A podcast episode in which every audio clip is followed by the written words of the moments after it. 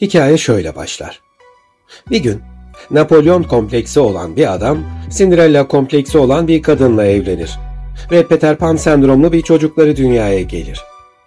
Ve hikaye şöyle devam eder. Napolyon, dürtüselliğin vermiş olduğu yetkiyle bu karmaşık ilişkinin en başından itibaren kendini karşı konulmaz bir kral ilan eder. Cinderella çocukluktan itibaren ona dayatılan öğretilerle örselenmiş benliğini daha da kabul ederek iyice içine siner. Peter Pan ise büyümenin ne demek olduğunu asla öğrenemez. Ve hikaye şöyle biter. Napolyon bencilliğinin, Cinderella benliksizliğinin, Peter Pan kimliksizliğinin kurbanı olur. Ve maalesef mutlu bir sonları olamaz. Oldukça bilindik ve hazinli bir son oldu öyle değil mi?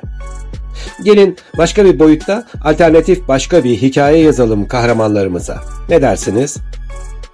Bir zamanlar Napolyon kompleksi taşıyan bir adam Cinderella kompleksi ile lanetlenmiş bir kadınla evlendi. Bu tuhaf çiftin ardından Peter Pan sendromuyla doğmuş bir çocukları dünyaya geldi.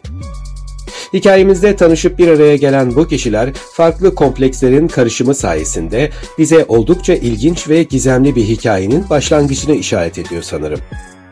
Napolyon, dürtüsel lider karakteriyle kendini egemen bir kral gibi görüyor ve herkesi töhmet altında bırakarak yönetmeye çalışıyordu. Cinderella çocukluktan itibaren ona dayatılan rolleri kabullenmeye devam edip içindeki gerçek potansiyeli keşfedebilmek adına sürekli bir şans arıyordu. Peter Pan ise büyümenin öğretilen kurallarına hiç uymadan çocukluğunu sonsuza kadar korumaya çalışıyordu. Bu üç farklı karakter tuhaf bir şekilde bir arada olmanın başka bir yolu olabileceğini hiç akıllarına getirmiyordu. Napolyon kontrolcü ve bencil doğasıyla Cinderella'yı ve Peter Pan'ı daha da baskı altına almaya çalışıyor. Baskı arttıkça diğerlerindeki çekiniklik de arttıkça artıyordu. Ancak Cinderella bir gün içindeki gücü fark etmeye ve kendi kimliğini gizliden gizliye yeniden inşa etmeye başladı. Peter Pan ise büyümeye karşı çıkmak yerine yetişkinlikle ilgili yeni şeyler öğrenmeye. Bu durum önceleri Napolyon'u çileden çıkarıyor, diktatör ve baskıcı eğilimlerini yüksek perdeden ve öfkeyle uygulamasına sebep oluyordu. Fakat günün birinde tahtı küçük ama kendine hayran bu adam gece gördüğü dehşetli bir rüyadan kanter içinde uyanıp kendini sorgulamaya başladı. Ve nihayet hikaye şöyle sonlanır. Bu üç önceden kendini bilmez karakter birbirine destek olmaya karar verdiler. Napolyon egosundan vazgeçti ve liderlik yerine işbirliğine yönelik bir yol buldu. Cinderella kendine güvenmeyi öğrendi ve kendi hikayesini yazmaya karar verdi. Peter Pan ise çocukluğunu unutmadan yetişkinlikte de yeni maceralar yaşayabileceğini düşünmeye başladı. Ve hikaye farklı kompleksleri olan bu insanların birlikte büyüdükçe daha sağlam ve mutlu bir şekilde yaşadıkları bir sona evrildi. Ve artık maalesef demek yerine neden olmasın diyebiliyorlardı. Peki bir alternatif üçüncü hikayeye ne dersiniz? Hazırsanız başlıyorum. Çılgın bir bilim adamı olan ve çoğunlukla yaşamını başarıya ve mükemmelliğe adamış bir adamla başlasın bu kez hikayemiz. Bu adam bodrum katında geçirdiği 10 yıl boyunca yeni bir icat üzerinde inatla çalışıyordu. Bu icat insanların zamanda yolculuk yapabilecekleri bir makineydi. Hayatında icat edeceği bu makineden daha fazla değer verdiği hiçbir şeyi yoktu. Zaten başkasına ayıracak vakti de yoktu. Bir gün bu bilim adamı zaman makinesinin ilk prototipini tamamlamayı başardı. Ancak bu makine sadece geçmişe değil, aynı zamanda alternatif gerçekliklere de yolculuk yapabilme yeteneğine sahipti. Ve bundan sonra kendini kendisinin en iyi ve en mutlu olduğu varyasyonunun olduğu yeri bulmaya adadı. Önce yaşadığı büyüklenme kompleksini daha iyi anlayıp görebilmek için Napolyon dönemine bir yolculukla başladı. Gerçi kendisi onun kadar kısa ve tıknaz değildi ama nedense kendini uzun yıllar onunla özdeşleştirmişti. Bu da ona sert ve büyüklenmeci bir kişilik kazandırmıştı. Gel gelelim içten içe daha iyi ve müşfik olmayı hep istemişti. Gerçek Napolyon'u gördüğünde bu kişilikten bir an önce kurtulması gerektiğini anladı. Oradan ayrılıp en iyi versiyonunu çocukken hep annesinin anlattığı ve hep mutlulukla hatırladığı masallar diyarına geçmek istedi. Çocukken en sevdiği masallardan biri de Peter Pan olduğu için zaman makinesinin rotasını Neverland diyarına çevirdi. Burada çocuklar hiç büyümüyor. Hep mutlu ve huzurlu bir şekilde oyunlar oynuyordu. En azından aklında kalan bunlardı. Fakat adaya vardığında hiç de çocukken hayallerinde kaldığı gibi bir yerle karşılaşmadı. Evet, Neverland'de bir sürü çocuk vardı var olmasına ama hepsi oyun oynamak yerine bir taşın üstüne oturmuş arpacı kumrusu gibi düşünüyordu.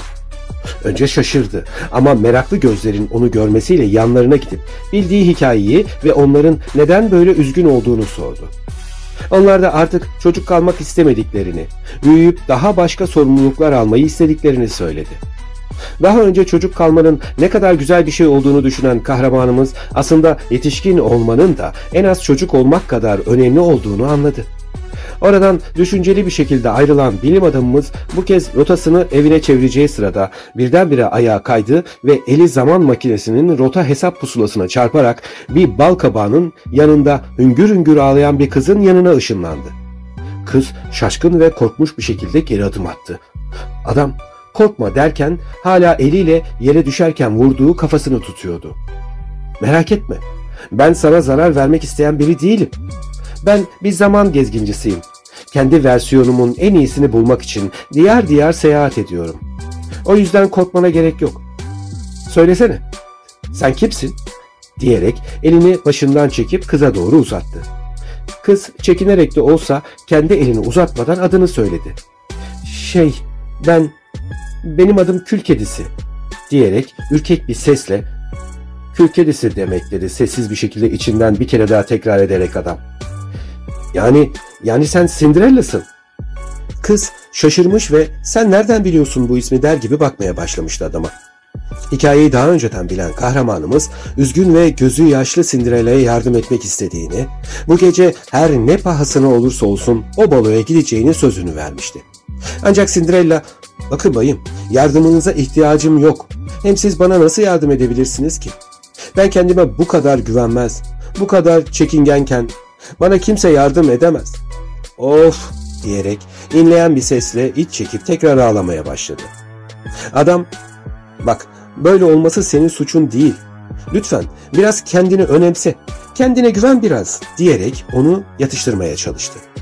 Cinderella böyle olmasının hepsi benim suçum. Hatta daha bile fazla olması gerekiyordu diyerek lanet üstüne lanet okumaya devam ediyordu. Karşısındaki kişiye bir türlü söz geçiremeyeceğini anlayan adam Cinderella'yı bal kabağıyla yalnız bırakarak evine kendi zamanına geri döndü. Artık anlamıştı. En iyi versiyonu şimdi de yaşadığı kendisinden başkası olamazdı. Ve onu düzeltmek, iyi bir insan olmasını sağlamak sadece kendi elindeydi. Bunu başarmak için önce icat ettiği zaman makinesini parçalara ayırdı. Sonra bodrumundan çıkıp bir nefes meydanına gitmek için ceketini alıp yola koyuldu.